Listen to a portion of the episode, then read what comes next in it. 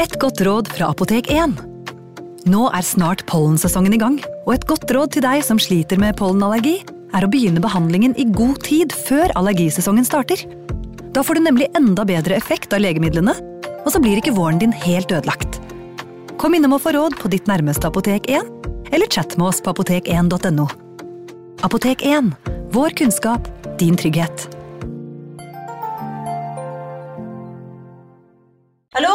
Jeg kommer fra Oslo politikammer. Ine Jansen er purk. Er du purk? The motherfucking bitch. Alt jeg vil, er å finne ut hva som skjedde med mannen min. Jon Carew. Er jeg sikta for noe? Iben Akeli. Det er du. Ole So, Lars Berrum og Big Daddy Karsten. Hvem sin side er du på, egentlig? Anette Hoff, Tone Danielsen, Kommer du fra Afrika? Jørnis Josef, Nesten. Kløfta. Trond Espen Seim, Det er synd å si det, men det var feil mann som døde. Purk. Premiere tirsdag på TV2 Play. Advarsel. I denne podkasten vil du høre historier basert på informasjon programlederne har funnet selv. Programlederne står ikke nødvendigvis inne for meninger og syn som fremstilles. Noen påstander kan avvike fra virkeligheten.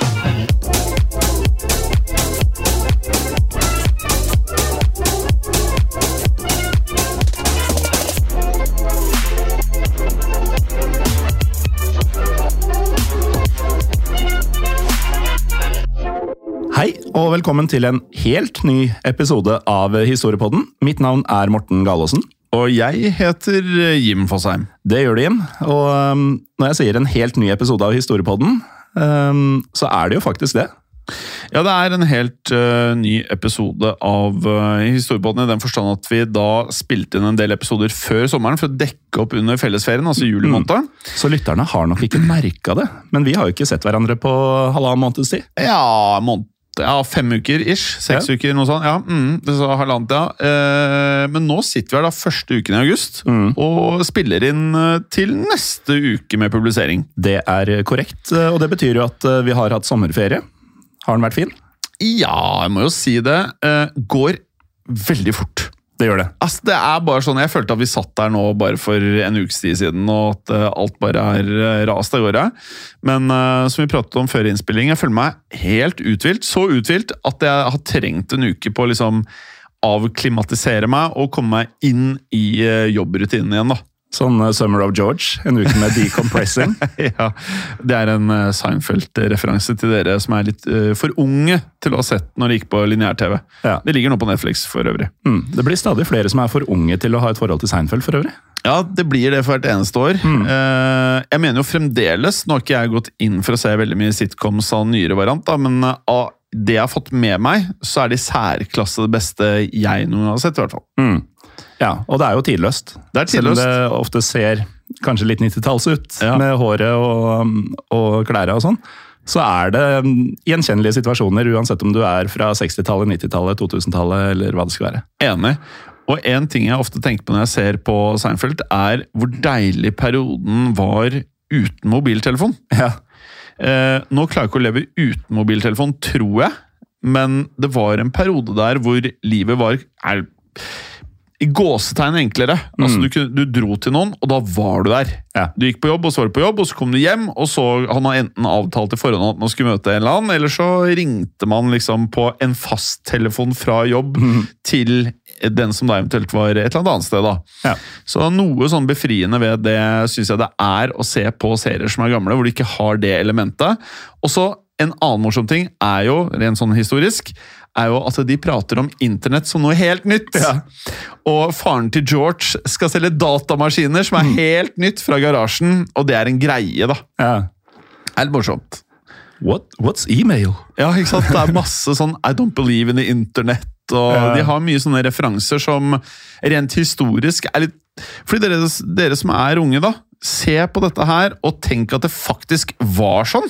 Man, Når internett kom og datamaskinen kom, så var man litt sånn Har man troen på dette her? Eh, men så har det jo blitt det det har blitt, som er basically helt sentralt i dagens verden. Ja, totalt sentralt. Mm. Og, og det er jo ikke så lenge siden dette her. Men i dagens episode, Jim, Ja. da skal vi et stykke lenger tilbake i tid. Mm. For vi skal um, se nærmere på hvordan en koloni i Mellom-Amerika gjorde store deler av den skotske befolkninga konkurs. Og um, Skottland har jo du et uh, nært forhold til. Ei. En konkurs er ikke det det skotske folket trenger på noe tidspunkt. Aldri har de trengt en konkurs, og aldri tror jeg de kommer til å trenge en konkurs. Eh, Denne kolonien da, som, eh, som gjorde store deler av den skotske befolkninga konkurs, den het eh, New Caledonia, og den lå i det som i dag er Panama.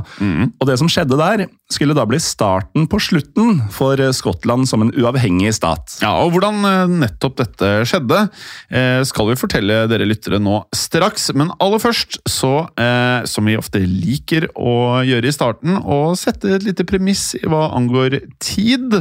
For dagens hendelser skjedde da nemlig på slutten av 1600-tallet, i en periode hvor kolonisering av nye verden, altså Amerika, var eh, kommet eh, ganske så langt, egentlig.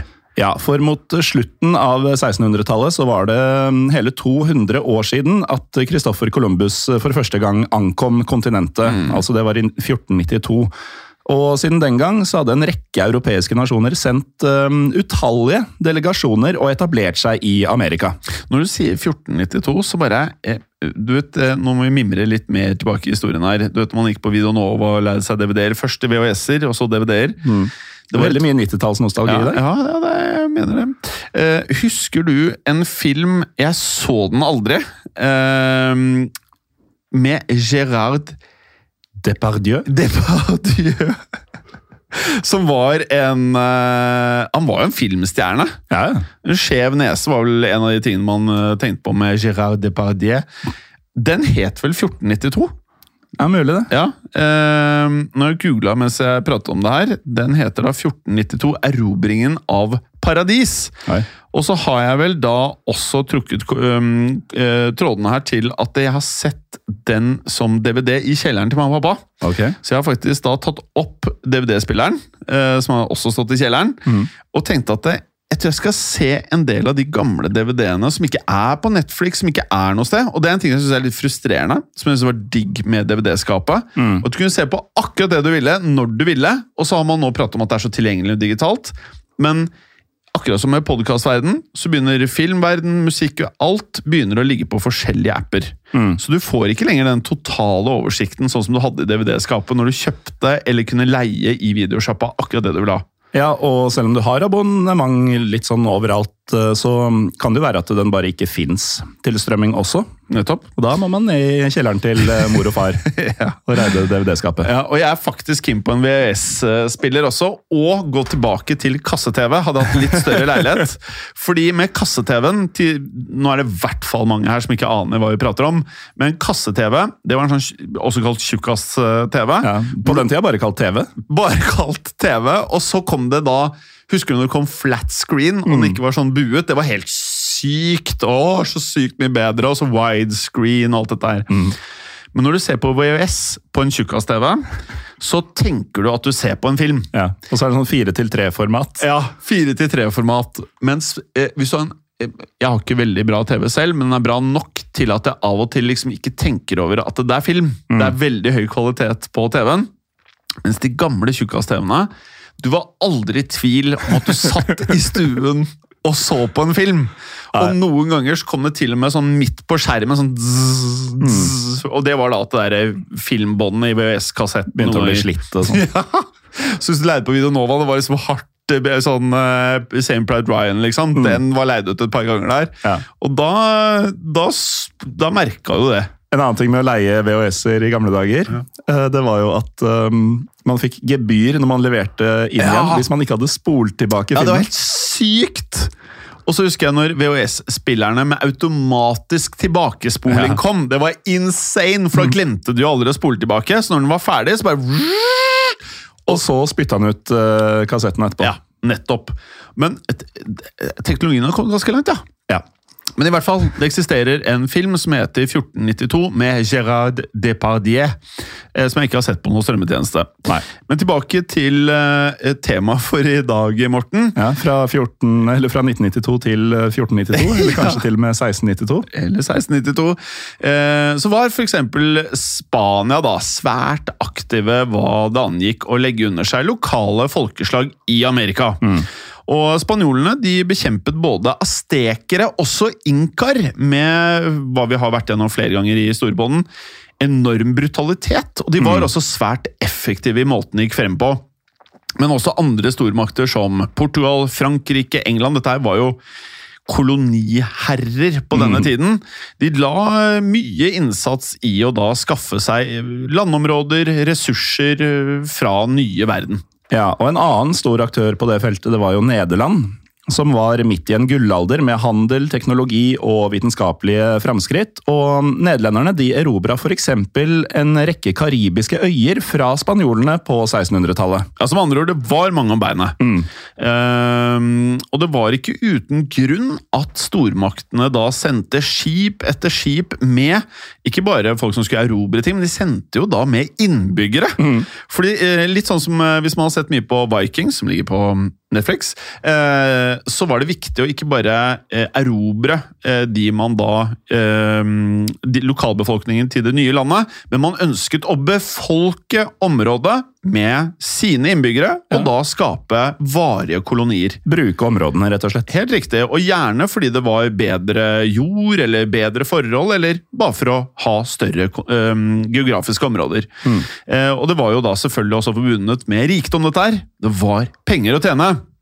Eh, slik at de enorme, spesielt sølvforekomstene i spesielt Mexico og også Peru, ble f.eks.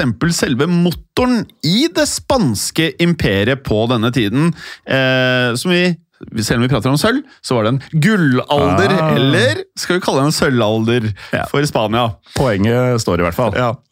Eh, Men der noen land da levde i sus og dus og gylne tider, så var det også en del land hvor det var betraktelig gråere framtidsutsikter. Og dette var da ofte land som sto helt utafor denne lukrative koloniseringa av Amerika. Et av disse landene, nå har jeg brukt ordet grå fremtidsutsikter, kanskje ikke overraskende at et av de landene vi skal snakke om nå, er Skottland.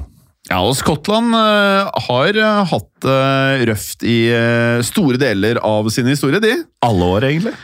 Ja, vi har jo pratet om Vi har jo vår egen podkastserie om Ukraina.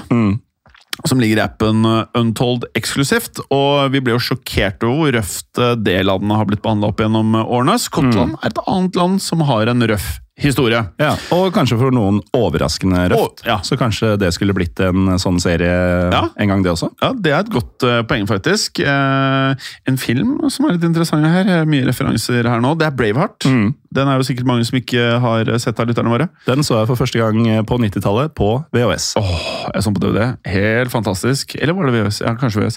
Eh, uansett, eh, 1690-årene blir eh, faktisk da referert til som Seven Ill Years. Og ikke uten grunn, Morten. For etter en del eh, gode eh, år med sterk økonomisk vekst, så sviktet skottene sin handel, eh, som da var med de baltiske statene, og spesielt Frankrike. Og delvis så var dette på grunn av en slags eh, handelsproteksjonisme eh, fra Frankrike. Ja, og proteksjonisme det er statlige virkemidler for å beskytte mm, innenlandsk produksjon mot konkurranse fra andre land. Så da franskmennene begrensa sin handel med Skottland på 1690-tallet, da led skottene store økonomiske tap.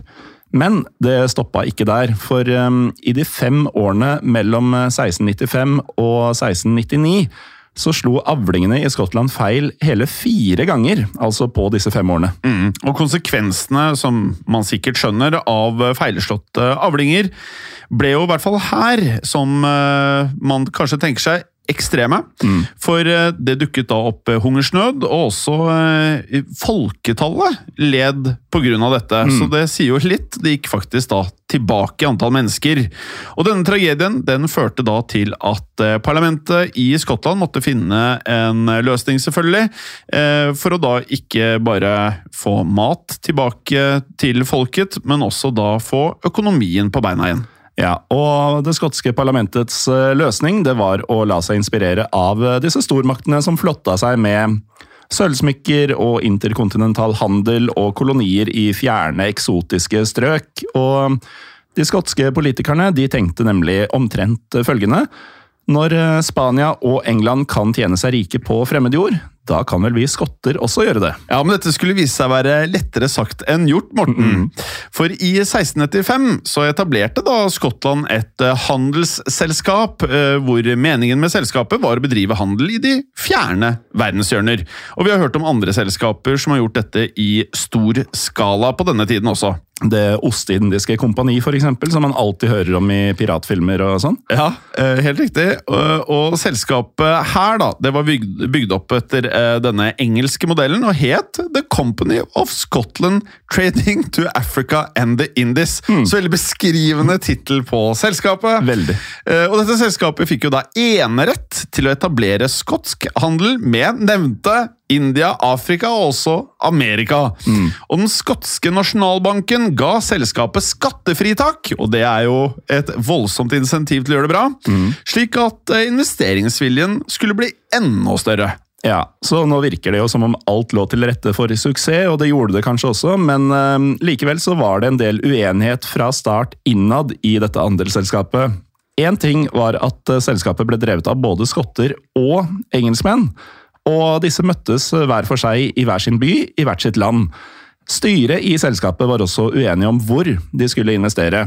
For eh, noen i styret de ønska å investere i India og på Afrikas eh, kyst, som en konkurrent til eh, det nevnte engelske Ostindiske kompani. Ja, Men flere i styret her var rett og slett redde for en hard konkurranse i Europa, spesielt fra England. Og disse styremedlemmene de hadde langt mer tro på en plan laget av en handelsmann ved navn William Peterson. Og sett i ettertid, Morten, så er det vel trygt å si at eh, de som da stemte for Petersons plan, gjorde en enorm Enorm feilvurdering. Ja, det skal gå gærent her. Ja, for Petersons plan var nemlig noen har sikkert hørt om den. Den katastrofale Darien-planen. Var det riktig uttalt? Jeg tror det. Du er jo god på dette her, Morten. Også kalt The Darien Scheme, altså på engelsk. Ja. Som eh, høres kanskje enda litt bedre. Scheme er kulere enn plan. ja, ja. Um, men det ble da etter hvert bestemt at det skotske handelskompaniet skulle operere i tråd med Petersens uh, Darien-plan. Og um, altså, ingen av de stakkars skottene kunne vite at uh, dette valget skulle føre til en nasjonal katastrofe. Men uh, når det er sagt, så planen virka kanskje ikke så dum på papiret, Jim. Nei, for eh, kort sagt da, så var planen noe sånn som dette. Skottland skulle etablere en koloni på den smale landstripen mellom dagens Mellom-Amerika og Sør-Amerika, altså i dagens Panama.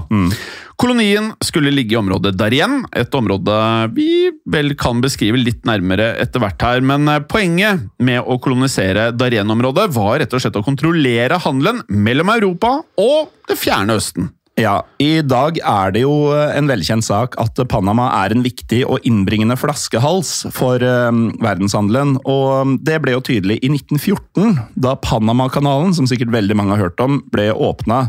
For eh, ved å grave en kanal mellom, eh, gjennom den smale landstripa i Panama, så kunne man binde sammen Atlanterhavet og Stillehavet. Og kanalen var dermed et uh, veldig mye bedre alternativ til den lange skipsferden rundt Kapp Horn, altså rundt hele Sør-Amerikas uh, tupp. Ja, Som også er noe man hører uh, som blir pratet mye om i uh, sjørøverfilmer og gamle ja, Alt som hadde med sjøfart uh, back in the days å gjøre. Ja, nevnt i noen historiepodden-episoder også. Ja, ja, jeg liker veldig godt hvordan det høres ut. Eh, skottene de så på handelspotensialet i Darenne-området allerede så tidlig som på nevnte 1690-tallet, og de regnet med at kolonien skulle bli veldig lukrativ. Tanken var for så vidt god her, og det så faktisk også veldig lyst ut i starten, og det var heller ikke noe mangel på investorer. Både engelske og også nederlandske handelsmenn hadde troen på prosjektet. Men så ble da engelskmennene og også nederlenderne presset til å trekke seg ut av prosjektet, og utpressingen kom fra skottenes aller største rival. Nevnte Morten det britisk-ostindiske kompani som føltes å være relativt eh, gira på å utkonkurrere enhver motstand. Ja, og um, det britiske kompaniet var da absolutt ikke interessert i konkurranse fra skottene i Mellom-Amerika, og um, dessuten så var England på denne tida involvert i en krig med Frankrike. Og De ønska derfor ikke å provosere Spania, for eh, spanjolene var allerede aktive i Darien-området på denne tida. Ja, og tapet av investorer, som det for så vidt alltid er, er et hardt slag mot et selskap, og da for skottene i dette tilfellet. Og det var ekstra ille at det var erkefienden, altså England, som hadde sabotert finansieringen. Og det kan jeg fortelle etter å ha bodd i Skottland. De er sinte på England der. Eh, Hæ? De er sinte på England. Ja, ja, ja, ja. For jeg skulle et jobbintervju i London. Jeg studerte i Glasgow. Og når jeg fortalte at jeg skulle til London, jeg tenkte ikke noe over det, så var det rett og slett uh, upopulært. Og de kunne ikke forstå at jeg skulle ned dit, og at jeg heller ikke kunne uh, prøve å søke jobb i et uh, selskap lokalisert i Glasgow. Og dette raseriet det var da så stort at helt vanlige folk fra alle samfunnslag gikk inn med sine egne penger for å da realisere drømmen om kolonien og en bedre fremtid for Skottland, som jeg liker. Ja, Så du går fra utenlandske eh, rike investorer til at vanlige folk spytter inn sparepengene sine Ja. for dette her. Ja. Og um, Det skotske handelskompaniet de hadde heller ingen problemer med å rekruttere frivillige kolonister fra um, spesielt av den fattige arbeiderklassen. Den um, nasjonale optimismen rundt dette prosjektet den var stor, og den 12. juli 1698 så troppa folk opp i hopetall på havna i byen Leith, der de ønska um, fem skotske skip farvel og lykke til på den lange reisen over Atlanterhavet. Ja, og etter kun tre måneder til havs, så nådde da skipet med hele 1200 skotske bosettere der igjen som det er i dagens Panama. Bosetterne de satte umiddelbart i gang med å etablere sin da kan jo se for oss stolte koloni, som de da kalte for New Caledonia. Og jeg kan bekrefte at det i Glasgow så er det universitet som heter Caledonia. Det er flere områder som har noe med Caledonia å gjøre. Mm.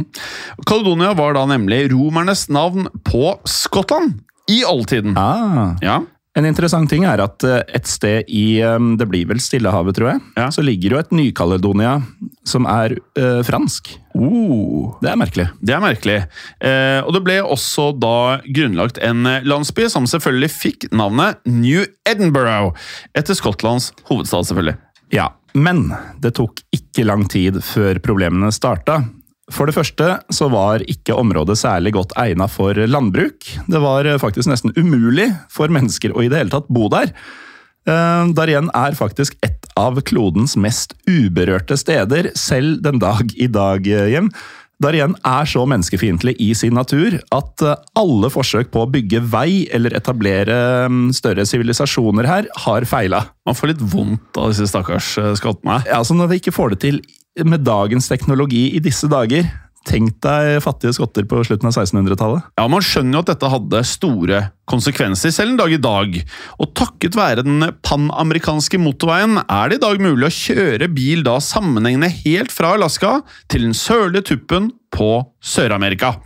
Men det finnes da ett unntak på denne lange motorveien, nemlig Darien-området. Det er riktig. Akkurat der i grensetraktene mellom Panama og Colombia så er eh, altså det er veldig, veldig tett jungel. Eh, Det er veldig store sumper, og terrenget er svært bratt og ulendt. Og mm, altså, Voldsom kombinasjon, dette her. Og det har jo ført til at alle planer om å bygge vei gjennom der igjen har vist seg å være både praktisk og ikke minst økonomisk umulige å gjennomføre. Ja, det er eh, utrolig dette her. Um, og med tanke på all verdens da, ingeniørkunst tatt i betraktning, så det føles ut som de klarte å velge verst tenkelig område. Absolutt det verste tenkelige. Eh, området, bare for å legge til enda mer grusomheter her, så er det også tettpakket av malariamygg. Eh, og også en hel rekke andre insekter, selvfølgelig, men eh, ikke nok med det. I dag er Darien fullt av eh, kriminelle, eh, som da er eh, spesielt glad i å smugle dop. Ja.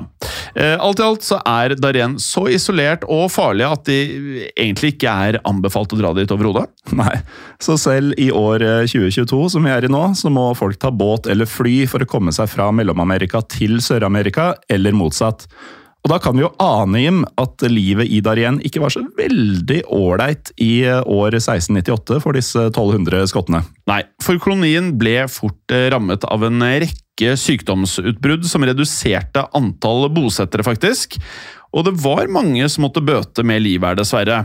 Og etter hva vi kan forstå, så var det opptil ti mennesker som døde om dagen på det aller verste i eh, denne lille byen New Edinburgh. Og så høres det kanskje ikke så ille ut med ti dødsfall om dagen i en by, men eh, det var jo altså 1200 av disse. Ja, det var jo ikke mange. Nei, men hvis det er 30 dager i en måned, sånn cirka, da, da er det jo 300 i løpet av en måned hvis de dør om dagen. Dvs. Si en fjerdedel Ja. av eh, bosetterne. Ja. Nei, Det er voldsomt mye. Eh, Det hjalp heller ikke at den engelske kongen hadde forbudt sine skip da fra å hjelpe skottene, til tross for at England og Skottland var i en personalunion på denne tiden. Ja, men selv om Darien-planen gikk veldig eh, dårlig på dette tidspunktet, så skrev bosetterne svært positive brev hjem til Skottland. Og dette tror man var en planlagt og koordinert handling, ettersom enkelte optimistiske fraser går igjen i de fleste av brevene. Ja. Og hensikten var da sannsynligvis å lokke til seg flere kolonister for å erstatte disse som døde av sykdommer. Altså det er rett og slett propaganda. Rett inn i dragsuget. Men sykdommene, Morten, det var jo kun ett av problemene. For uh, sviktende lederskap og også mangel på mat gjorde tilværelsen mer eller mindre uutholdelig for mange av de som var gjenværende. Og etter at over 500 personer var døde, så bestemte rett og slett resten seg for å stikke hjem til Skottland, og da var det kun gått ett år. Så dette her var mislykket, altså. Du nevnte 1200 personer, eh, Morten. Det hadde jo da kommet flere som de hadde klart å lokke til seg. Propagandaen fungerte. Det fungerte uheldigvis for de. Eh, så var det i alt da 1700 skotter som da forlot Darien, eh, og kun 300 av de kom hjem i live. Ja. Det er vanvittig. For eh, sykdom tok nemlig da livet av de fleste på vei over Atlanteren. Og ikke nok med det. De 300 bosetterne som kom hjem, ble sett på som en eh, skam for landet, altså for Skottland. Og mange ble til og med avvist av sine egne familier når de først kom frem. Ja, altså, Dette er jo selvfølgelig en, eh, en trist historie, men den har også noen tragisk, eh, tragikomiske elementer her. For det kom nemlig en ny skotsk eh, ekspedisjon til Darien-kolonien ikke så lenge etter at den forrige dro. Og denne andre ekspedisjonen hadde ikke fått vite om den eh, begredelige tilstanden i kolonien, og ble da overraska over å finne en forlatt koloni i Darien. Altså, dette er veldig pre-internett. Veldig. Altså, ikke få med seg det. altså Bare null informasjon. Ja, Jeg hadde ikke telefonsvarer engang, så var det liksom null mulighet for å Ja. vite om dette. Ja, og Denne andre gruppen med kolonister de gjorde et eh, tappert forsøk, men uten at det hjalp på noen som helst måte. For etter noen få uker så skjedde nemlig det som engelskmennene spådde ville skje. Spania tok til våpnene for å da fjerne den eh, konkurrerende kolonien. Ja, for det var jo en av grunnene til at engelskmennene ikke ville investere likevel. De ville ikke Ja. provosere spanjolene. Nettopp, for spanjolene hadde da som sagt aktivitet i Darien-området, bare noen mil unna skottene. Og dermed så gikk jo Spania til militært angrep. De blokkerte havna og tok kontroll over hele den skotske kolonien. Og det, de siste overlevende de fikk til slutt reise hjem til Skottland, og kolonien, altså Darien, eller New Edinburgh, ble evakuert og nedlagt i 1700, bare to år etter oppstarten. Ja. Og dette var imidlertid bare starten på de virkelige problemene, for eh, fiaskoen i Darien ble rett og slett en nasjonal katastrofe av enorme proporsjoner. Og det er blitt beregnet at eh, så mye som eh, ja, mellom 20 og det er jo ganske bredt spenn, 20 og 50% av all kapital i Skottland All kapital! All kapital i hele landet var blitt investert i Darien-planen, så valget å følge Peterson, altså William Peterson sitt uh, råd eller plan, det var ikke så smart. Nei, det var ikke det. Uh, så da kolonien ble forlatt, uh, altså totalt uten avkastning selvfølgelig, så mm. sendte det tusenvis av vanlige folk rett inn i økonomisk ruin. Ja, og denne krisa ble da også spikeren i kista for eh, Skottlands eh, ja, kan si selvtillit eh, som egen nasjon. For eh, bare noen få år seinere, i 1706, så stemte det skotske parlamentet for å gå inn i en sterkere union med England. Du nevnte jo tidligere at de var i en personalunion. Nå skulle denne forsterkes ytterligere, og tanken bak var at skottene kunne dra nytte av Englands voksende imperium og internasjonale handel. Men skottene betalte dermed prisen ved å miste sin uavhengighet. Ja, Det eneste sporet som visstnok er igjen etter eh, Darien-kolonien i dag, er en grøft som kolonisten gravde i sin tid. Og akkurat det kan vel kalles et eh, ja, naturlig punktum for eh, historien i dag. At det her var jo kolonien som da sendte hele Skottland i grøfta. Ja, og ofte når vi snakker om fjerne steder, og sånn, så får jeg lyst til å dra og se det selv og greier. Ja, jeg får det, men det er ikke i dag. Nei, altså Sump og jungel og eh, dopsmuglere og malariamygg og alt sånn. For å se en grøft, Ja. det kommer jeg faktisk til å stå over. Ja, Men er du enig at uh, Darien det høres eksotisk ut? Jeg Mm. blir litt lokket til det. Ja, ja. Og New Caledonia. Ja. Og, altså Veldig mange uh, byer eh, i, på det amerikanske kontinent uh, som begynner med New, Ja. er jo um, interessante. Altså New York var jeg i sommer. Veldig flott sted. Ja. Um, New Edinburgh. New England. Ja. New Ja. Edinburgh er nok ikke um, Hadde det vært en by i dag, Ja. Så kunne jeg jo Jeg hadde jo kikka på det. Ja. Helt til jeg ja, hadde lest litt mer og sett at det lå midt i der igjen. Og, Ja. ja. Det, det er nok blant de stedene Vi har jo prata om mye heftige steder, vi har jo det da. Mm. Men det her, jeg skal ikke hit. Nei. Ikke hvis ikke jeg blir tvunget. Hvis jeg ikke må. Nei, Hvis ikke det kommer noen skotter og sender deg med skipet. Nei, jeg skal, ja, men jeg skal uansett ikke dit. Eh, ganske interessant. Jeg var heller ikke klar over eh, dette her eh, overhodet. Og det er med på å forklare en del av det noe turbulente forholdet mellom Skottland og England. Som, det, har jo, det er mange kapitler eh, gjennom historien som gjør det forholdet noe turbulent. altså. Det er det. Men dette bidrar sterkt. 20-5 av alle penger ble investert i Darien-planen. Ja, er helt vilt. Og ikke bare altså vi sa det var uten avkastning, men det, altså, det var jo tapt. Ja, det var. Det var ingenting som kom Ja. tilbake. Og ikke minst liksom den nasjonalfølelsen og det der givet de hadde. ikke sant? Nå skulle folket være med på å demme opp over at investorene hadde trukket seg. Og dette skulle gå så bra. Det skulle redde landet, det skulle bli stormakt. Men så ble alt sølt vekk. Det ble det. Eh, Vi nevnte jo at vi har laget en eh, egen serie i Untold om Ukrainas turbulente historie. Og vi fikk jo for oss nå, mens vi har sittet og spilt inn her, at kanskje Skottland kunne vært en egna kandidat til noe lignende. Men hvis dere som hører på, har Ja. eh, innspill om eh, andre lands historie som dere syns vi skal dykke litt eh, dypere i, så går det jo an å sende oss en melding på Instagram eller Facebook, hvor vi er Historiepodden Norge. Ja, eller eh, for eksempel eh, være en del av gruppen vår. Mm. Historie for alle. Yes. Hvor jeg faktisk ikke har sjekka nå etter ferien hvor mange vi har blitt. Men jeg vet at det er godkjent haugevis av folk gjennom eh, sommerferien. Ja. Så, bli med, og dere som er der, del gjerne informasjon, forslag, tips til bøker, historier, filmer, det det måtte være. Og kom gjerne med noe pols. Ja. Vi trenger noe pols nå. Og fortell oss om deres eh, VHS- og Videonova-minner. I hvert fall hvis det er historiske filmer dere, dere så på um, kasse-TV-er i deres eh, ungdomstid. Gjør det.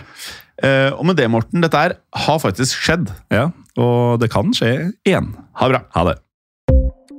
Historiepodden ønsker å takke følgende. Dere som hjelper oss som sitter i produksjonen. Dere som hjelper oss som sitter i redaksjonen, inkludert eh, tekstforfattere. Det er helt riktig. Og dere som sitter på marked, som faktisk da gir oss muligheten til å drive med Historiepodden. Og selvfølgelig alle dere som hører på. Tusen takk. Moderne media. Har du et enkeltpersonforetak eller en liten bedrift?